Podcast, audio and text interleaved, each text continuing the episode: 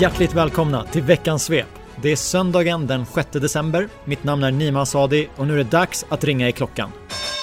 Statistiska centralbyrån har gjort klart med ett nytt huvudkontor. Det blir en flytt till Örebroportens projekt Kexfabriken 2 och ytan som ska hyras är på 7900 kvadratmeter. En intressant detalj i sammanhanget är att när letandet inleddes, vilket var före pandemiutbrottet, så var SCB ute efter mellan 9 och 12 000 kvadratmeter. Men efter en snabb analys av lokalbehovet till följd av att så många medarbetare arbetar på distans har man kommit fram till att man klarar sig bra med cirka 25% mindre. Rätt eller fel återstår att se. Inflyttning sker i september 2023. Bonava har vunnit tre markanvisningar om totalt cirka 500 hem i Rågsved, Östberga och Husby i Stockholm. Samtliga tre finns med på polisens lista över utsatta områden, varav Husby är med på den allvarligaste. Kollar man tävlingsbidragen så ser det faktiskt rätt bra ut och intressant i sammanhanget är att bidragen har tagits fram av arkitekter i Bonavas egen designstudio. K-fastigheter förvärvar Finja Prefab. Enligt Jakob Karlsson som är VD på K-fastigheter så är förvärvet en viktig del i K-fastigheters fortsatta tillväxtresa och strategi att bygga kostnadseffektiva koncepthus i Sverige och Danmark. Jag måste erkänna att jag blev riktigt glad när jag läste nyheten och jag blev heller inte förvånad över att det är just K-fastigheter som gör affären. Ännu en länk i kedjan. Bra jobbat! Och till alla er som ännu inte hunnit lyssna på avsnitt 73 av Hela kedjan som gästas av just Jakob Karlsson, in och gör det nu direkt. Gör det bara, det är ett riktigt kanonavsnitt och då kommer ni förstå vad jag menar med att jag inte är förvånad. Regeringen har gett utredare i uppdrag att ta fram förslag på hur ett statligt startlån ska hjälpa förstagångsköpare in på bostadsmarknaden. De stigande bostadspriserna har medfört att kontantinsatsen, som behöver vara minst 15%, har blivit ett allt högre hinder för unga att ta sig in på bostadsmarknaden. Så i torsdags tillsatte regeringen därför en utredning som ska ta fram förslag på åtgärder och där tonvikten ligger på ett statligt startlån Utredningen ska vara klar den 1 november nästa år, men jag har några frågor redan nu. Vi har alltså en prisutveckling som har höjt trösklarna in på bostadsmarknaden och därför ska vi subventionera lån till förstagångsköpare.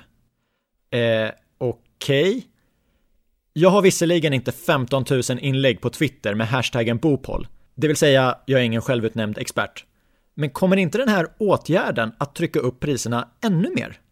Det vill säga mer pengar till de som redan bor i ägt boende och till alla bostadsutvecklare som bygger nytt. Visst, det kanske finns en och annan där ute som får lite bättre förutsättningar att ta sig in på bostadsmarknaden. Men det känns ju inte som att det är just den målgruppen som gynnas mest av den här åtgärden. I mitt Twitterflöde är det i alla fall bostadsutvecklare och en del andra roller knutna till samma affär som jublar mest. Och innan jag får Bopolmaffian på mig så tänker jag att jag förtydligar lite. Om problemet är att stigande bostadspriser har medfört att kontantinsatsen blivit ett hinder, borde vi då inte göra något åt de stigande bostadspriserna? Här kommer tre förslag. Nummer ett, Att sluta låna ut pengar gratis. Nummer två, Att öka utbudet av bostäder. Och nummer tre, Att få till de ändringar som krävs för en bättre fungerande hyresmarknad.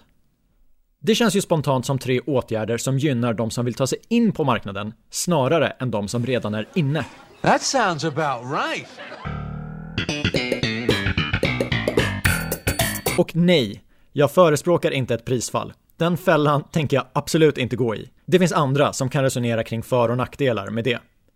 Men jag kan samtidigt konstatera att priserna i exempelvis Stockholms innerstad är upp över 300% under de senaste 20 åren. Och precis som med en eventuell justering nedåt i pris så finns det även för och nackdelar med den här kraftiga stigningen. Eller vad säger ni Twitter?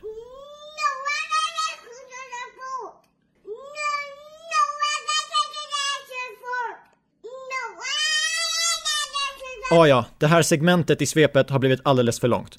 Om du som lyssnar håller med eller inte håller med, men är intresserad av att prata om saken i poddformat, hör av dig till mig så kanske vi kan få till något i hela kedjan.